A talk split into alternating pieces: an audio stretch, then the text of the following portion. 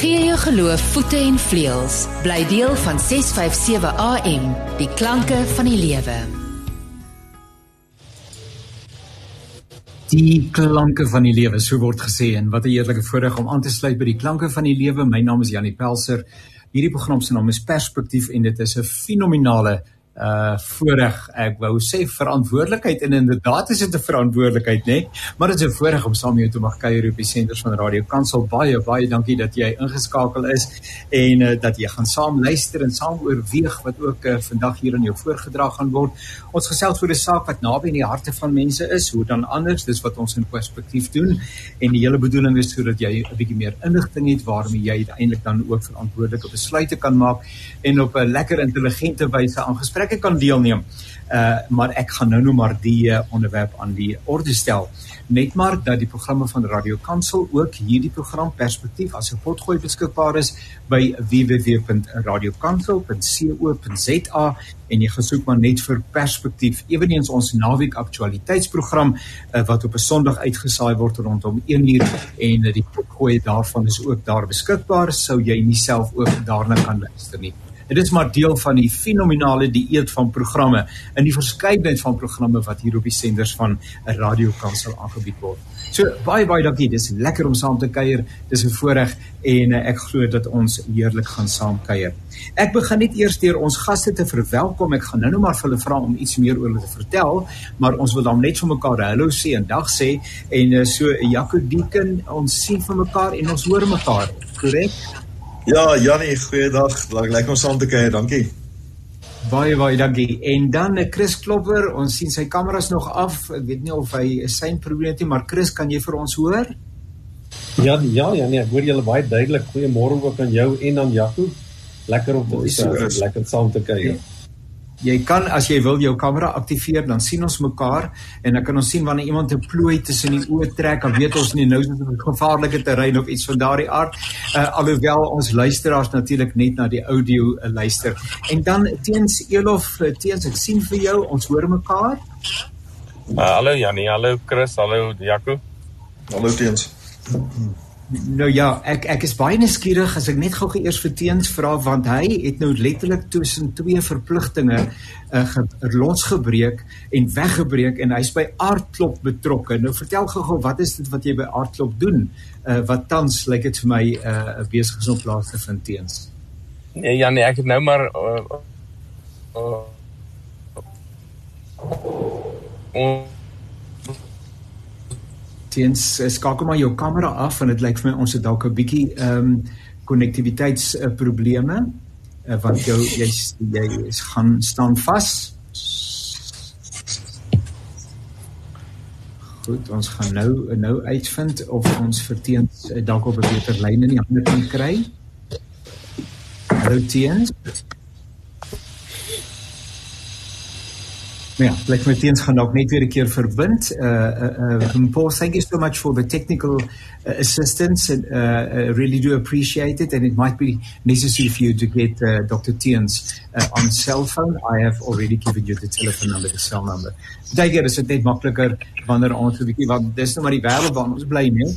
Uh waar in uh verbindingsprobleme 'n uh, uitdaging is dan af van die beskikbaarheid van energie en 'n klomp ander dinge. Nietemin, ons gaan met 'n uh, groot entoesiasme voort. Nou uh, vir 'n uh, baie lank uh, dat ek liewer so sê, dit is vir baie mense in Suid-Afrika 'n stryd om doodge doodgewoon van dag tot dag te oorlewe in hierdie pragtige sonskynland van ons. En uh so 'n mens hoor van baie baie goed wat bespreek word. Jy sien opskrifte in koerante, jy neem daarvan kennis uh op die TV, maar dit is net op daai stadium nou nie uh, die ding waaraan jy moet aandag gee nie want uh, intussen moet daar kos op die tafel wees en 'n hele klomp ander aanverwante sake. En dit maak baie keer dat 'n mens nie kennis neem van goed wat regtig belangrik is nie. En dit is in hierdie verband dat ons vandag 'n bietjie saam gesels oor uh die sogenaamde Bella wetsontwerp uh en uh, die staan vir Basic Education Laws Amendment Bill en die hele saak is kontroversieel en uh maar hier om saam te gesels dan soos ons reeds gesê het Jaco Deeken en Chris Klopper en uh ons vertrou dit ons nou vir uh, teens op 'n manier by ons gaan hê. Ehm um, nou ehm um, Kom ons begin net eers en ek net seker maak of teens uh, by ons is teens jy moet net hallo sê as jy by is dan weet ons dat jy ook hier by ons is. Uh baie dankie uh, by voorbaat. Ehm um, kollegas baie dankie dat julle bereid is om saam te gesels, maar nou wil ek eers begin by julle eie konteks asseblief. Jaco, jy is die uitvoerende hoof van FETSAS. Nou moet jy vir ons luisteraars net help. Wat is FETSAS? Nou Bella klink soos 'n familielid, maar maar maar FETSAS eh, is ek nie heeltemal seker nie. Ja, dankie Janie. FETSAS is 'n federasie vir beheerlig skoolbeheerliggame van Suid-Afrikaanse skole. So ons lede is die skool se beheerliggaam en ons verteenwoordig dan nou 'n uh, openbare skole sowel as onafhanklike skole in al 9 provinsies in die land. En ons het 'n uh, voetsporingkantore in al 9 ons provinsies. En ons fokus hoofsaaklik op die governance, die die beheer aspek in skole. Nou beheer en bestuur is lekker naby aan mekaar, so daar's 'n goeie skakel en leierskap. So ons funksioneer nie in die kurrikulum gedeelte in die klaskamer gedeelte of die arbeidsgedeelte, dis waar ons vernoot die SAWI inkom. So ons is uh, ons is aan die ander kant van die stoel maar in dieselfde spasie. Baie baie dankie en baie welkom uh, dan ook uh, uh Jaco. Uh een van u, ek weet nie of dit een van ons is nie wat miskien met 'n pen of 'n ding besig is wat 'n bietjie uh krapperigheid veroorsaak as jy maar net versigtig is daarmee. Die mikrofone is baie baie skerp. En uh dan het ons ook vir ehm um, Chris Klopper en Chris Klopper is ewenigs uitvoerende hoof van ehm um, die Afrikaanse Onderwysunie as ek dit reg het. Uh vertel vir ons asseblief Chris, wat is dit waarmee uh, besig is? Ja, ons verteenwoordig primêr onderwysers, onderwysers in diens by um by die onderskeie openbare skole. Die onderwysers wat in diens geneem is by daardie skole self en dan uiteraard ook um onderwysers weet jy by onafhanklike skole. Ons het so 42000 lede by oor die 4000 skole. Ja, dis sommer 'n hele klomp en is 'n groot verantwoordelikheid. Baie baie dankie. Dankie dat ons saam kan gesels, Chris. En dan het ons ook vir Dr Teens Elof. Nou Dr Teens sit op so baie stoele en hy's met soveel goeders besig uh dat ek skaars iets kan uitlig. Uh ek vertrou dat die feit dat u buitengewone professor by die Potchefstroom se besigheidskool is, dat dit nog relevant is. Uh Teens, help asseblief. Vertel vir ons, wat is dit? Wat is die vernaamste stoel waarop jy op die oomblik sit? Ek dink vir hierdie program is die belangrikste dat ek voorsteur is van die Trust vir Afrikaanse Onderwys as ook voorsteur van die Afrikaanse Onderwysnetwerk wat so 'n bietjie koördineer in die Afrikaanse onderwysomgewing en die trust is natuurlik ons doel om Afrikaanse onderwys te bevorder. Die saak sal 'n baie groot impak daarop hê so in daai opsig. Ek dink dis die mees deel van uh, van wat ek doen uh, Janie. Baie baie dankie. Ons lees uh, u en ook die ander kollegas se name baie dikwels in die media raak en ons weet dat die sake van veral by die onderwys betref en taal ensovoorts ensovoorts vir baie naby aan die hart lê. So kan ons sommer net reg by die begin begin en ons aanvaar dat ons luisteraars en daarmee wil ek nie sê dat hulle nie ingelig is nie, maar net ter wille daarvan dat ons uh, mooi probeer verstaan ehm um, uh waaroor ons met mekaar saam kuier.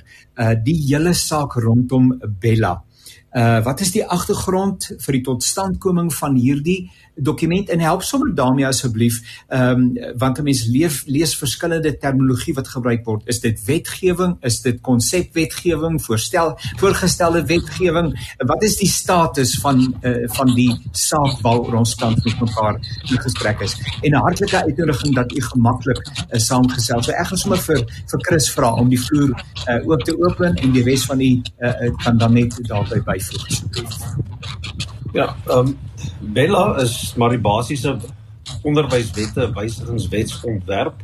So dit is nog nie wetgewing nie. Hy's wel verlede week is hy deur die parlementêre portefeulje komitee is hy gefinaliseer en nou sal hy op sy roete gaan, weet jy, na die parlement toe ook na die nasionale raad van provinsies toe en dan sal daaroor gestem word.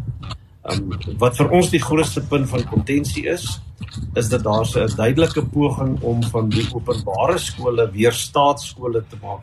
Dit wil sê amper 'n verlengstuk weet jy van van van die staat in plaas daarvan om 'n openbare skool te beskou as 'n verlengstuk van die betrokke gemeenskap en waarin die wense en die behoeftes van die gemeenskap weet jy uit kan kry in 'n in 'n skool. En dit is daar by die skool waar die ouers soos 'n liggaam deur 'n beheerliggaam en die onderwysers en die kinders en eintlik die gemeenskap hande vat om van daai skool 'n demokratiese um, instelling te maak en 'n verlengstuk van van die skool. So ons probleem handel dan spesifiek daaroor dat dit gaan oor die direkte inmenging van die staat en lees daarmee saam die politici in die sake en die direkte bedryf van 'n skool. Nou kom ons hoor asseblief 'n uh, eh, Jaco en teens en, en en hier is sommer nou twee terme ook op die tafel geplaas. As ons net groter klarigheid kan kry daaroor naamlik die hele saak van openbare skole en dan die ander een is nou wat is die ander uh, woord wat gebruik word? Staatskole nê openbaring en staatskole. So net dat ons duidelik verstaan uh, waarvan praat ons asseblief. Jaco kom ons Ja dankie dankie Janie. Dink Chris het die tafel mooi gedek. Ek meen BELAP is net 'n akroniem eintlik 'n Engelse akroniem of afkorting wat gebruik word vir hierdie wysigingswet. Maar dit klink lekker op die oor so ons gebruik hom aan Afrikaans ook nou. Janie, ons ja. is in Suid-Afrika geseënd dat ons openbare skole het. Ons het nie 'n enkele staatskool in Suid-Afrika nie. Daar's eintlik ja. net twee tipe skole in Suid-Afrika. Dis ons openbare skole aan die een kant en ons onafhanklike skole aan die ander kant. Nou die volksmond is die onafhanklike skool, die sogenaamde privaat skool. Maar die groot verskil tussen 'n staatskool en 'n openbare skool is in wese dat 'n staatskool aan die staat behoort. Dit is nou soos 'n staatshospitaal. Die staat besluit presies wat daar binne gebeur. Wie word aangestel? Hoe lyk die plek? Hoe word dit in stand gehou? Hoe word dit bedryf? Die staat het 100% seggenskap. Terwyl die eienaarskap van 'n openbare skool in terme van die skolewet lê eintlik in die hande van daardie skoolgemeenskap. So die openbare skool behoort nie aan die staat nie. Dis nie binne in die staat nie. Dis 'n aparte regsentiteit. So dis 'n aparte entiteit, maar hy's gekoppel aan die staat, want die staat voorsien natuurlik vir ons meeste van die opvoeders in die skool. Die staat is is een van die groot vennote om 'n openbare skool te bedryf, maar die eienaarskap van 'n openbare skool is in die hande van daardie gemeenskap.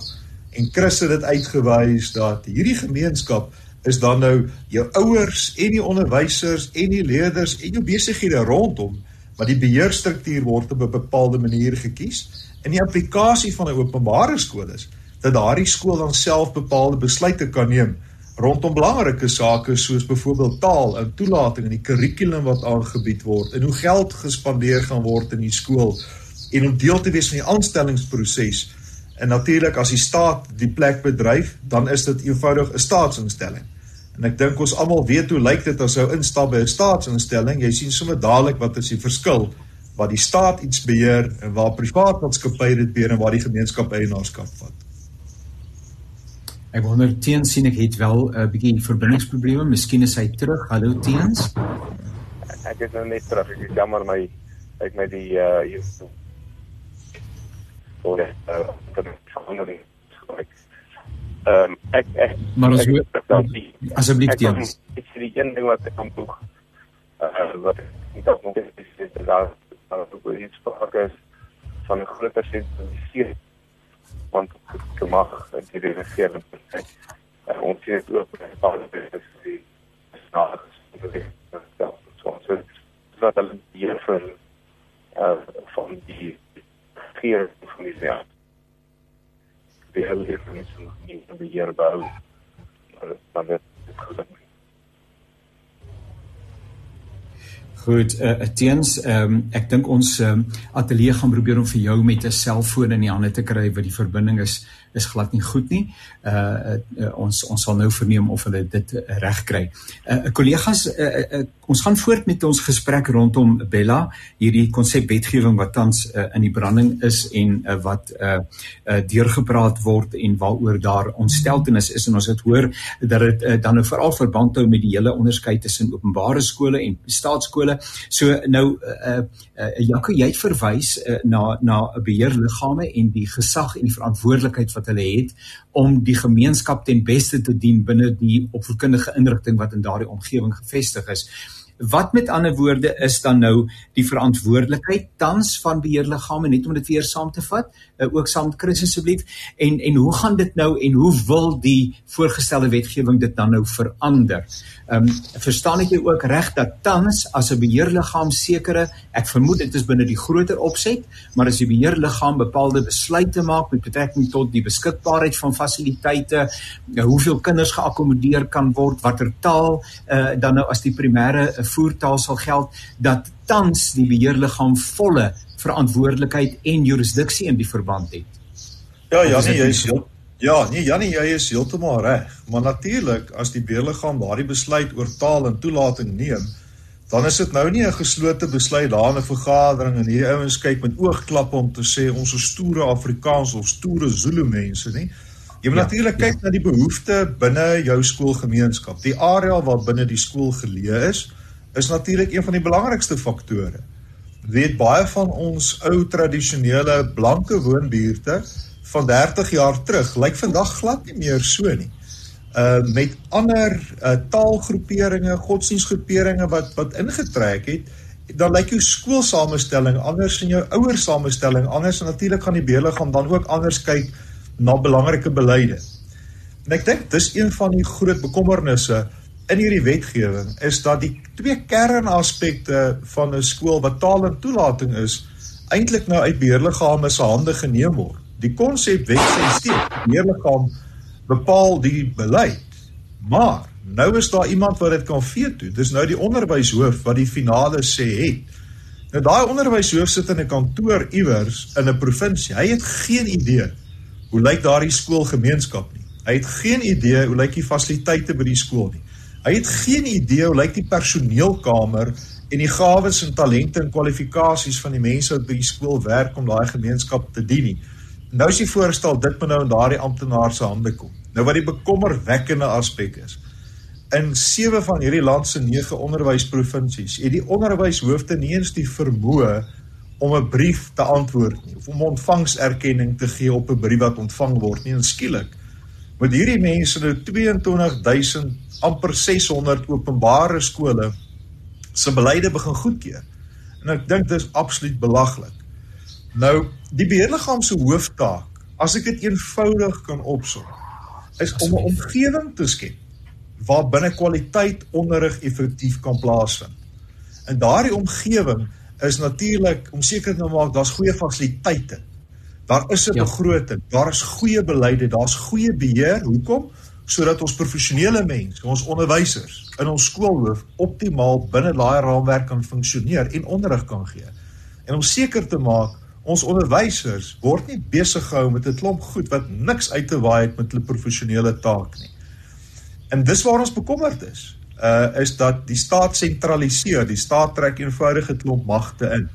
Nou, ek wil net so stappie verder gaan. Taal en toelating is nou die twee wat bietjie onder die skoot kom. Maar terwyl van jou luisteraars, die beheerliggaam bepaal ook wat is die missiestelling in 'n skool? Wat wat is die DNA van ons skool? Ehm um, hoe word godsdiens beoefen in die skool? Wat is die reëls byvoorbeeld vir godsdiensbeoefening? Wat is ons filosofie oor die handhawing van dissipline in die skool? Hoe kyk ons na die welstand van personeel? En dit val alles binne daardie bevoegdheid van die beheerliggaam. So dis nie net 'n kontrolelysie ons het 'n begroting goedgekeur in die Suid-Afrikaanse en Engelse kinders nie. In 'n gemeenskap wat werk, is hierdie ouer komponent binne die beheerliggaam En die bestuurstruktuur van daardie skool vorm eintlik saam die hartklop wat dit maak gebeur. Nou die beheerliggaam is so direksie, hulle is nie elke dag by die skool nie. Daai belangrike take word gedelegeer en as die funksies van die skoolhoof en sy bestuurspan wat eintlik dag tot dag seker maak dat kwaliteit onderrig.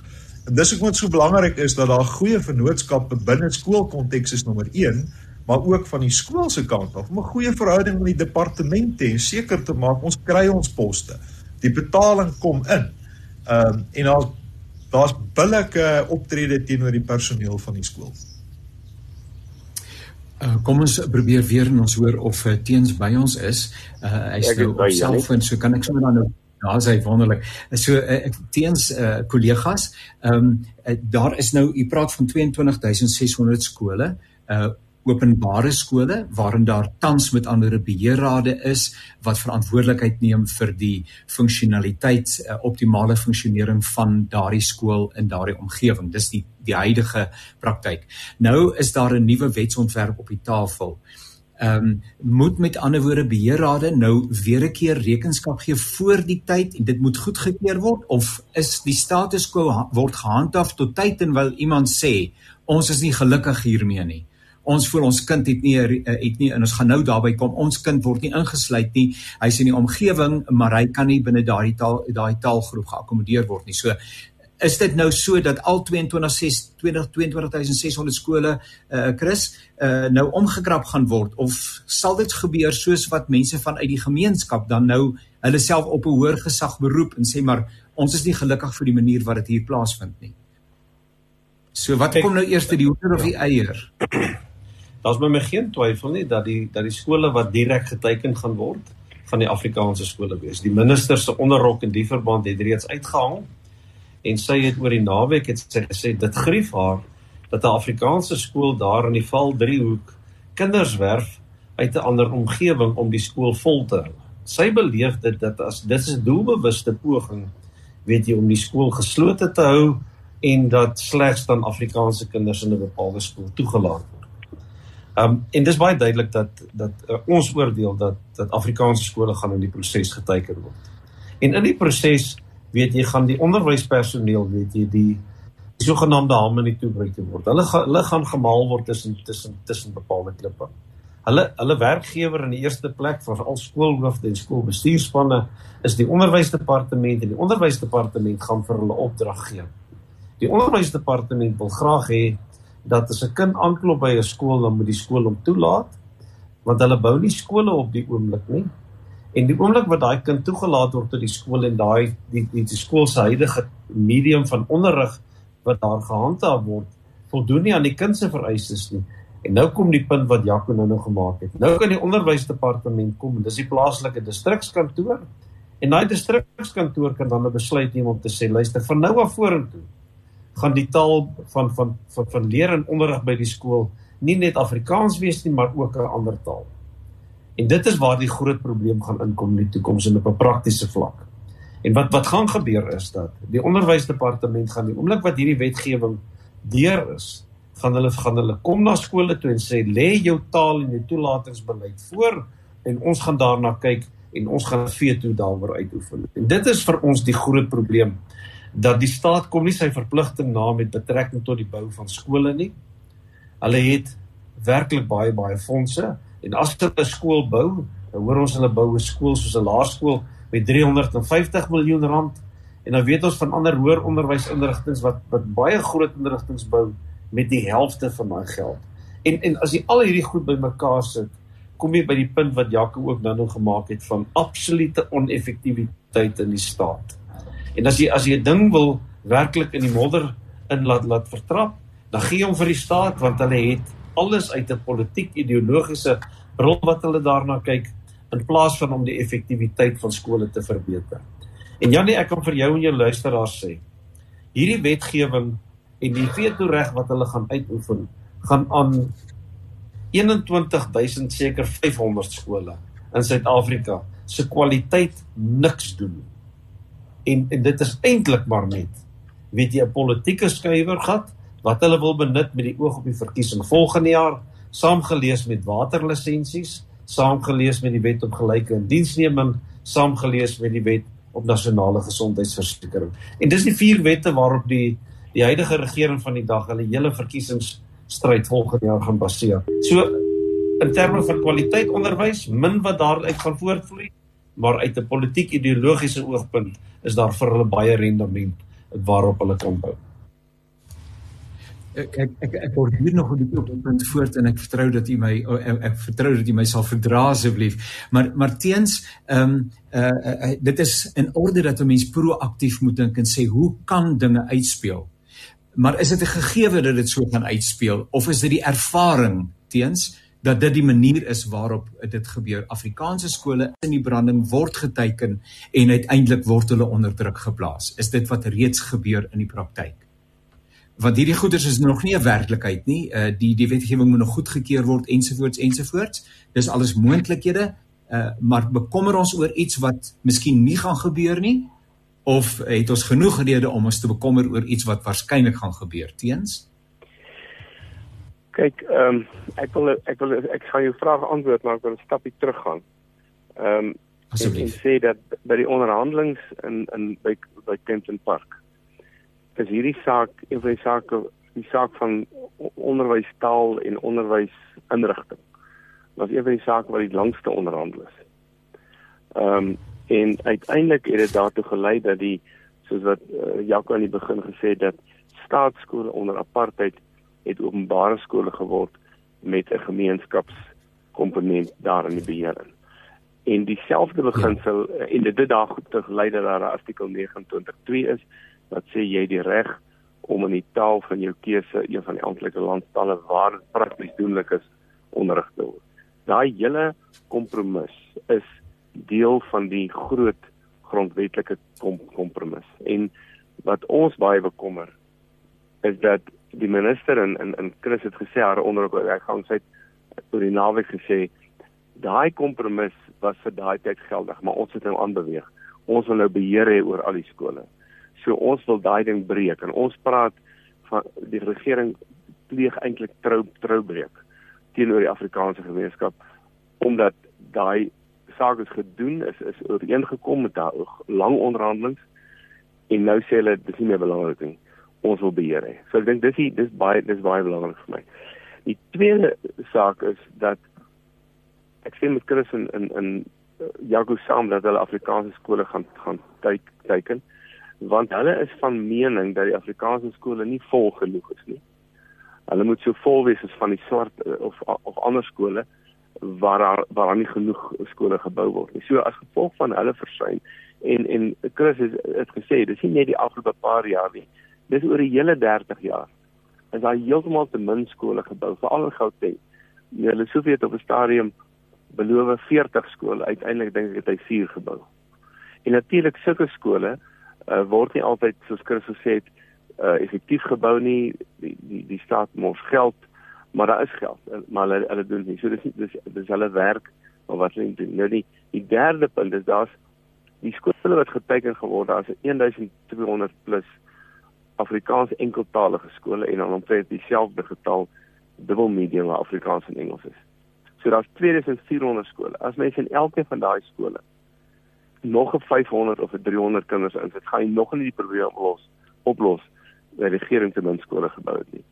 So ons ons leiers daar af dat hierdie is is eintlik 'n wrevel, ek dink kry die regte woord gebruik, dit grief die minister dat Afrikaanse skole goed is, dat hulle dat hulle vol is en dat hulle hulle self volhou. Want dit is ook waar, ek weet nie of dit al gesê is nie, dat as 'n skool by platland half leeg staan, 'n openbare skool en daar's nie plek uh daar daar's plek in die skool, maar die skool se taal is Afrikaans, dan is dit nie uh, dan is dit nie moreel regverdigbaar om te sê die skool moet half leeg bly in Afrikaans nie. Dan moet die skool toegang gee ook tot ander tot tot, tot ander taalgroepe. Maar uit, so, so uiteindelik is dit nie dis nie die oplossing. Die oplossing is dat hulle meer skole bou. En ek dink dis ons bekommernis dat dat 'n regering wat eintlik onbevoeg is en korrup is wil probeer om iets te bestuur wat baie meer kompleks is en wat die kwaliteit van van van onderwys totaal nog verder in die modder gaan sleep. Jaco Chris, maar is die minister met haar onverkoeklike opmerking nie ook onderworpe aan die grondwet nie en word die regte van minderhede nie in die grondwet juis verskans nie? Uh so kan 'n mens jouself steeds beroep en sê maar minister, jy is eintlik buite orde want die grondwet en help my ek is nie uh, ingelig wat hierdie ding betref nie maar die grondwet sal gewysig moet word ten einde hierdie uh, ding dan in die praktyk te kan toepas. Ja, ja nee, jy, jy is reg, maar ek dink ons moet onthou wat gebeur in 2024. Daar's 'n groot nasionale verkiesing. So ja. alhoewel die minister onderworpe is, sy kan nie besluite buite die grondwet neem nie. En sy kan nie besluite buite die SA skolewet neem nie. En dis hoekom sy hom nou wil wysig om 'n effek in effek skole te kan kaap.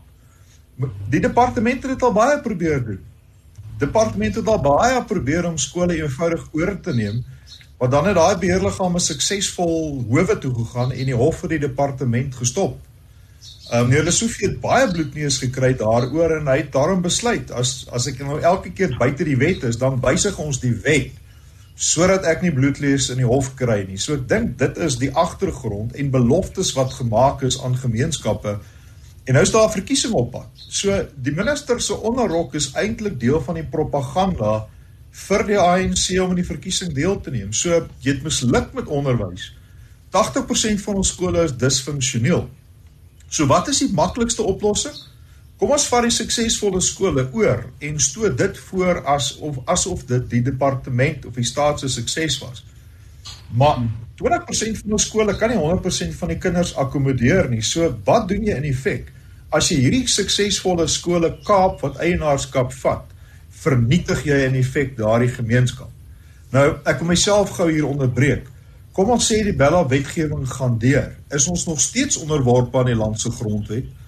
So organisasies gaan hof toe gaan, maar as daai onderwyshoof nou die taalbeleid of die toelatingsbeleid sou veto, is dit 'n administratiewe besluit. Daai administratiewe besluit moet aan sekere kriteria voldoen. En as dit nie daaraan voldoen nie, dan kan daardie beheerliggaam nog steeds die onderwyshoof se besluit op hersiening gaan neem in die hof. Maar Janie, hier kom die moeilikheid. Dis nou Dawid wat vir Goliat moet veg. Want Goliat sit met al ons belastinggeld en hy het 'n mag, hy diep sakke en daardie skoolgemeenskap moet nou uit skoolgeld met hulle nou die geveg teen die staat aanknoop. En dis die geld wat die skool gebruik om ekstra personeel aan te stel, die skool op te knap, goeie onderrig te gee. En nou moet ons effektief daai geld vat en per skool die geveg gaan aanknoop. En dis eintlik wat ek dink die minister wil graag wil hê, om te sê ons gaan met groot spiere seker maak dat ons julle uit die prentjie uithaal en die wat gevegte gaan opsit moet julle weet, dis 'n Dawid Goliat tipe geveg. Nou Bybelse terme weet ons wie hom gewen. Maar dis 'n groot, dis 'n groot Goliat wat nou vir skole gaan staan as hierdie wet sou deurgaan. So moenie vergeet van die verkiesing wat op pad is nie. Dis ek om die politici die goed sê en ons gaan meer simpel goed nog hoor in die volgende paar maande en meer beloftes kry in die volgende paar maande. So ons moet ons staal daarvoor. Chris, nou, die hele ding rondom Afrikaans. Hoekom hoekom kan 'n kind nie maar net in Engels leer en klaar kry nie? Die hele wêreld praat tog Engels. En uh berei ons die kinders nie op die beste manier voor vir die wêreld waarbinne hulle hulle self sal moet uitleef deur maar sommer net te sê wel almal studeer ek is in sommer tong in die kies nê maar help net vir ja. ons uh, spil dan om almal in Engels leer en klaar kry. Nee, dit is seker so want dit is dis dis juis waar die hele kwessie van 'n gemeenskap inkom en dit is dat 'n gemeenskap kan besluit weet jy met trekking tot daai daai daai medium van van van leer en onderrig. Maar dit is ook onderwyskundig sodat 'n kind wat weet jy skool gaan in in sy of haar moedertaal um assimileer kennis net soveel vinniger en soveel beter as ooit tevore. Ek gebruik baie keer die voorbeeld om te sê dat as jy nie weet wat verdoesel beteken nie, then you will never understand what obfuscate means. En jy verstaan eers die betekenis van opverskeid as jy verdoesel verstaan. En en as jy nou doodgewoon kyk hoe maklik kinders met daai konsepte omgaan as hy as hy 'n rykdom van terminologie en 'n woordeskat het, hoeveel makliker hy of sy dan 'n ander taal aanleer. En en dit is tog ook 'n gegewe. Hoe ryk hoe ryker jou woordeskat is, hoe ryker kan jou woordeskat in 'n tweede of in 'n derde taal wees. En dis waar die waarde inkom. Maar ehm um, ja, die punt wat is gemaak, weet jy, dat ons praat eintlik, weet jy, van ons wil graag hê daar moet voortgegaan word met skole as as 'n sogenaamde gemeenskapskool en nie as 'n staatskool nie. Want dit was die moeilikheid waarin ons beland het pre 1976. Ja, nee, kan nou, ek net by moedertaal onder weet nou, weet nou daar's 3 of 4 internasionale bewese redes wat nie deur Afrikaners uitgedink is nie hoekom moedertaalonderrig die beste is. En dit is getoets in lande soos Kanada, Suid-Amerika en die res van Afrika. En die eerste is dat kinders wat in hulle moedertaal onderrig word, presteer beter. Dis 'n internasionale bewese feit. Nie eers die ANC regering kan dit betwis nie. Dis die eerste een. Die tweede is dat kinders wat in hulle moedertaal onderrig word en dit het Chris daarna het Chris verwys, se kognitiewe vermoëns verbeter. En en as jy nie in jou moedertaal onderrig geword nie, dan kan jy jou kognitiewe vermoëns nie verbeter en dis hoekom kinders wat nie in hulle moeder, moedertaal onderrig het nie so baie keer so swak in wiskunde is. En die derde ene wat nogal interessant is, is dat as jy in jou moedertaal onderrig word tot op 'n sekere vlak, dan kan jy ander tale makliker aanleer. En en die internasionale norm wat die Verenigde Nasies UNESCO gee, is dat in 'n land met goeie onderwysinfrastruktuur is die is die graad waarin jy moet moet uh, tot tot watter graad jy moet moedertaal onderrig gee is graad 8. In 'n land met swak onderwysinfrastruktuur soos ons, ons sê hulle moet dit tot graad 10 wees. Dis die ou standaard 8. Ons is nie naby daar nie. Nou die ironie is van hierdie selfde minister wie se onderop nou so lelik uithang. 'n Week of 3, 4 gelede het sy groot gewag gemaak dat hoe belangrik is moedertaalonderrig. En sy het 'n kosa en dit is lofwaardig. Sy het sy het in in die in in die Ooskaap 'n proefloop proefneming gemaak met ek dink Chris hulle moet help maar amper 1000 skole waarin die, die mm. kinders is is gegee is 'n deel van die kinders is gegee 'n vraestel net in Engels en 'n ander deel van die kinders is 'n vraestel gegee wat in isiXhosa en Engels gegee is.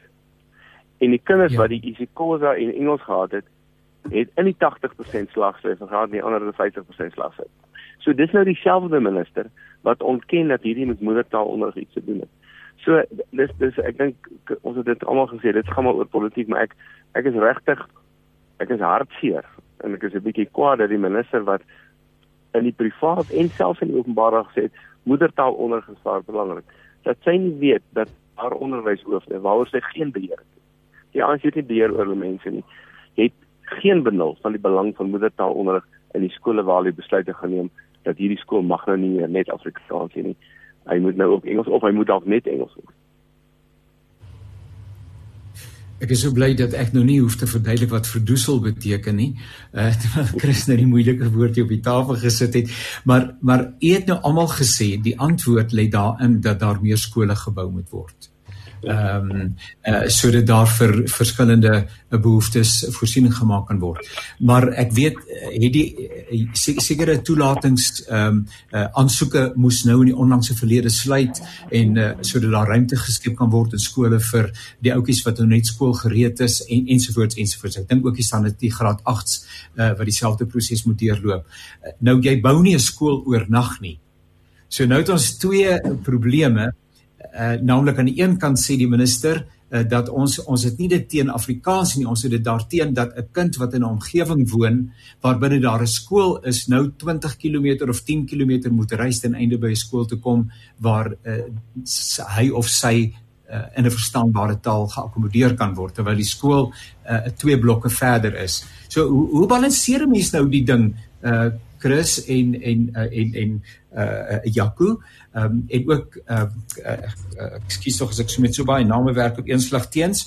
Ehm um, uh, hoe balanseer mense die ding dat aan die een kant is daar nie fasiliteite genoegsame fasiliteite nie. Ehm um, uh, ons het net X aantal skole en hier is 'n bepaalde massa van mense wat toetree tot die uh onderwys uh om om om on, onderrig te word. So hoe hoe balanseer ek sal graag daarop antwoord. Ek sal graag asseblief, baie dankie. Asseblief. In die eerste plek is dit belangrik dat 'n mens vir mekaar sê dat 'n skool bereik 'n kritiese punt wanneer hy vol is. Dat dis daar is geen twyfel oor dit. Hy bereik 'n kritiese punt wanneer hy vol is en as hy oor daai punt gaan, dan voldoen hy aan 'n groot klomp vereistes met betrekking tot brandregulasies, noodontruimingsregulasies, sanitasie, uh, veiligheidsmaatreëls oor die algemeen. Voldoen hy doodgewoon net nie meer nie. So die die objektiewe vraag is moet jy desnieteenstaande dit moet jy toelaat dat jy kinders toelaat en 'n skool vol prop met 'n agneming van al daai veiligheidsregulasies wat nie nagekom word. En dan saam met dit is dit ook dat as jy verby 'n kritiese punt gaan, dan het jy eksponensieel 'n baie swakker uitkoms met betrekking tot onderwyskwaliteite en uitsette. Dis die een punt. Die tweede punt is daar is talle skole in verskillende woongebiede wat nie 100% benut word nie. Maar die ouers is nie tevrede met die kwaliteit van daai skole nie en die kwaliteit van die onderwysers en die onderwysers se werksetiek en benadering tot professionaliteit nie en dan sê hulle hulle verkies om hulle kinders na ander skole toe te vat. En dit is waar die probleem inkom. Dat die minister wil los en vaspraat van sogenaamde zonering. En hy gebruik graag die voorbeeld van 'n kind wat regoor kan die skool bly wat na die skool toelating wil hê.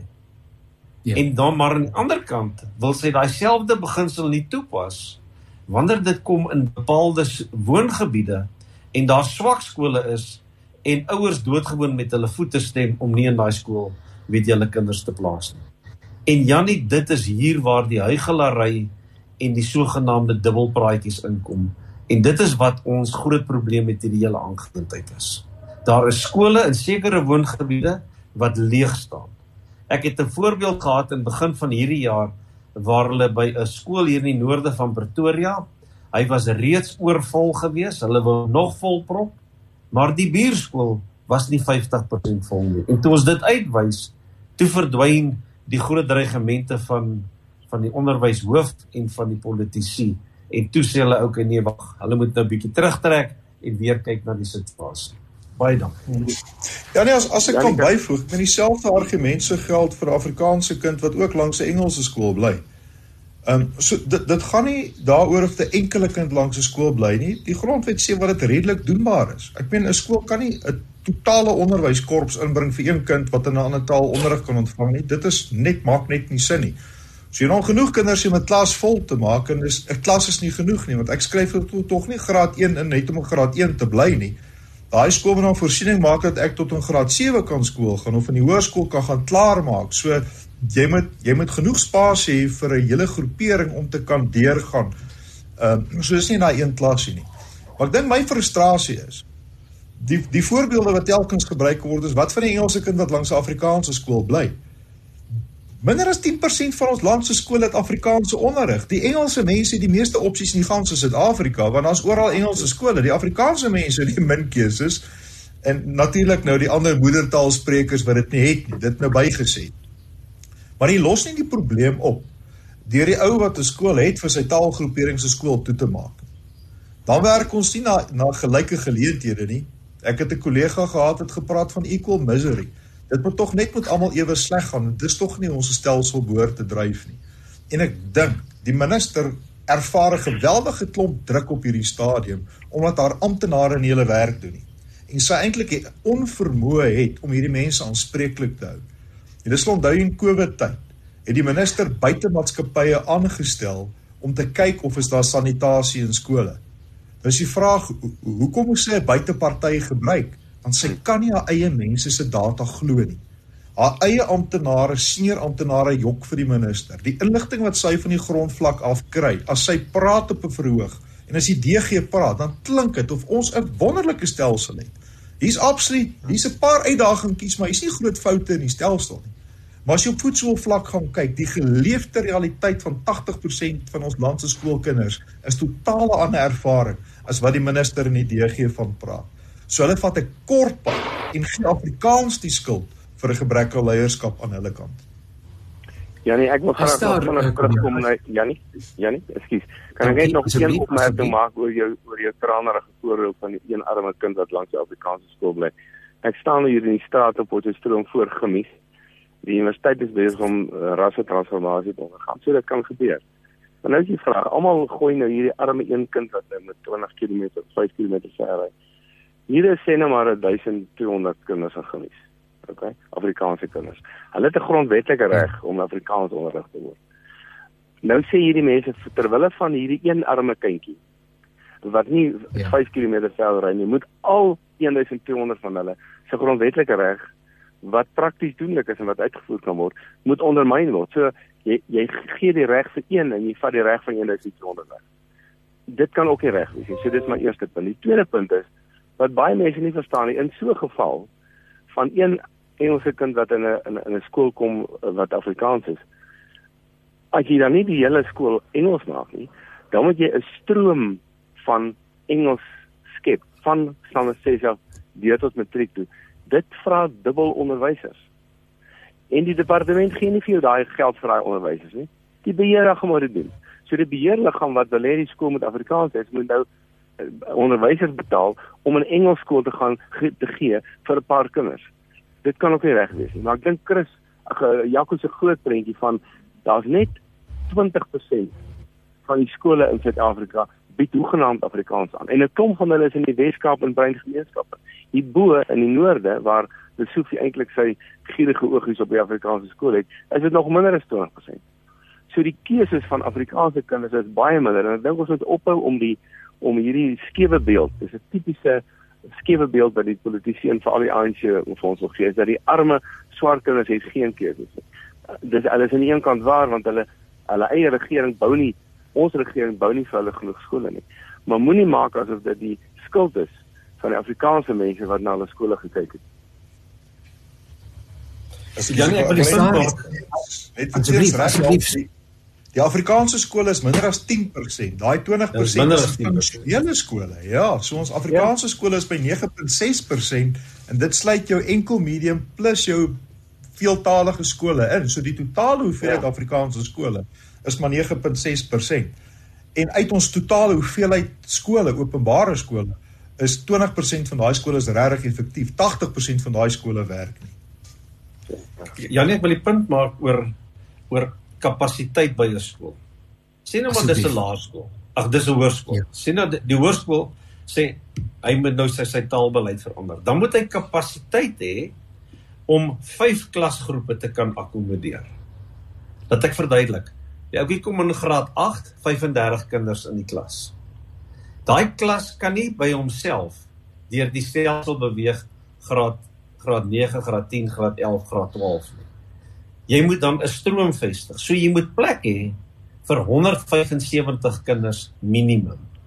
En dan in die hoërskool raak dit nou nog meer kompleks want minder kinders neem byvoorbeeld 'n vak soos rekeningkunde of 'n vak soos wiskunde. So daai klasse moet verdeel.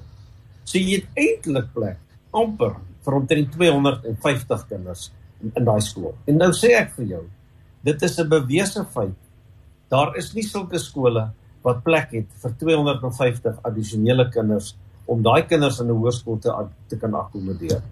Dit is net 'n feit. Maar die minister verkies om dit nie te sê nie en sy verkies om dit nie van die verhoog af weet jy aan mense te verduidelik. Nou wil ek vra, nou wat sê die minister as u uh, geleerde kollegas met daar 'n gesprek tree? Is daar 'n gespreksforum, is daar 'n is daar 'n platform, is daar 'n plek waar 'n mens op 'n redelike wyse kan sê maar minister jy is nie konsekwent nie en al die ander argumente wat jy op die tafel geplaas het. Teens waar praat uh u wat dan nou hierdie bepaalde ehm um, bekommernis het? Waar praat u met uh, die well, owerhede? die ander die ander twee manne praat meer maar as ek sê wat wat ek probeer het met uh veral uh, Christus Hulperuk geleer is om met die president dis nou omtrent 5 6 jaar gelede kry. En die president het praat oor hele kwessie van Afrikaans. Dit was na een van die insidente by 'n skool. En die president was was was begeerigheid onder andere uitgewys. Chris sal onthou dat hy dat Afrikaans ja. Afrikaanse onderwys is een van die groot kwessies by Kodesa. Dis tyd dat ons weer daaroor praat. Maar op 'n instemmende manier. Maar sy kantoor en veral sy raadgewers en veral een Afrikaanse raadgewer sy naam nie sal noem nie het dit onmoontlik gemaak vir ons om die president te ontmoet. Hy het in elke op elke hoek en draai het hy 'n uh, versperring in die pad geplaas tot ons tot, totdat ons uiteindelik uit daai oogpunt opgegee het om te praat daaroor. En ek dink nou is dit in elk geval heeltemal te laat, maar ek dink Chris en in in in Jaco hulle het forums, miskien moet hulle praat waar hulle dalk meer gereeld met die met die onderwysminister praat. Ja, Janie, ons het inderdaad bietjie meer gespreksgeleenthede omdat ons uh, binne vernoot is en ook met senior amptenary. Maar ek uh, dink iemand in die Afrikaanse gemeenskap het gesê hulle was nog nooit by 'n onsuksesvolle vergadering met die staat betrokke nie. Dit is altyd 'n lekker vergadering. Uh, maar al gebeur bitter min daarna. En en ek dink ja, die ja. probleem waarmee ons met die minister sit is ek dink die minister het die die nodige ondersteuning vir haar eie gedagtes oor onderwys ehm um, as wat haar regerende party het nie. Ek dink die die die stroom van ideologie is eenvoudig teen die minister. So tot die mate wat daar gepraat word, is dit altyd 'n goeie gesprek en daar sal konsis iets gebeur. Maar ek dink net hierdie dit is eintlik 'n eenrigting verkeer en daarom is volgende jaar se openbare nasionale verkiesing so belangrik. Want dis eintlik waar ongelukkige ouers, ongelukkige burgers, bekommerde mense oor die land moet gaan registreer en ons moet mense aanmoedig om nie weg te bly by die stembus nie want hierdie bellap stroom word nie veroorsaak deur onderwys en onderwysuitdagings nie. Dit word eintlik nou gedryf deur 'n politieke ideologie. En dit gaan nie gestop word deur noodwendige hofaksie of deur kleiner organisasies. Dit gaan gestop word deur Suid-Afrikaanse burgers wat sê ons land en ons land se kinders verdien beter en by die stembus jou stem uit te bring. En dis ons burgerlike verantwoordelikheid. Natuurlik ondersteun ons in ons hofaksies, ondersteun ons ons openbare skole sterk te hou, maar gebruik jou kruisie om 'n verskil in die land te maak. Ja, nee, een van die dinge wat ons die minister wil vra is dat in sy ampseed staan daar by twee plekke. Hy moet te alle tye in die beste belang van alle Suid-Afrikaners optree. En nou dit is 'n objektiewe vraag toe. As hy hierdie wetgewing gaan teken, tree hy in die beste belang van alle Suid-Afrikaners op. Op 'n objektiewe antwoord op daai vraag is ons antwoord van nee. Want hier is 'n belangrike komponent van die Suid-Afrikaanse samelewing wat voel hy tree tot ons nadeel op. En dit is die vraag wat ons vir hom wil vra en ons gaan dit ook in hofstukke aan hom so stel dat hy daarop moet antwoord. Ja, nee, mag ek dan nie so tyd verby. Ek hoor dat die laaste opmerking dit nou teens wat vinnig wil sê. Ek, ek sal vinnig sê ons moet ook onthou dat die ANC en hulle ideologie wat nie in die grondwet staan nie, het 'n rasse ideologie dat elke instansie in hierdie samelewing, privaat of openbaar, moet 80% swart, 9% wit, 9% bruin en 2% Indië, dis die demografiese samestelling van die land. Dis hulle ideologie. Dis waarheen hulle werk. En dit grief hulle en hulle haat dit dat dit met onderwys nog nie kon regkry nie as gevolg van die kompromis wat gemaak is in 1994. En hulle wil dit, hulle wil daai ding nou breek. Daarom pleeg hulle troubreek en is hulle is ongrondwetlik. Jaco, jy skep diep asem. Jy wil gou iets sê?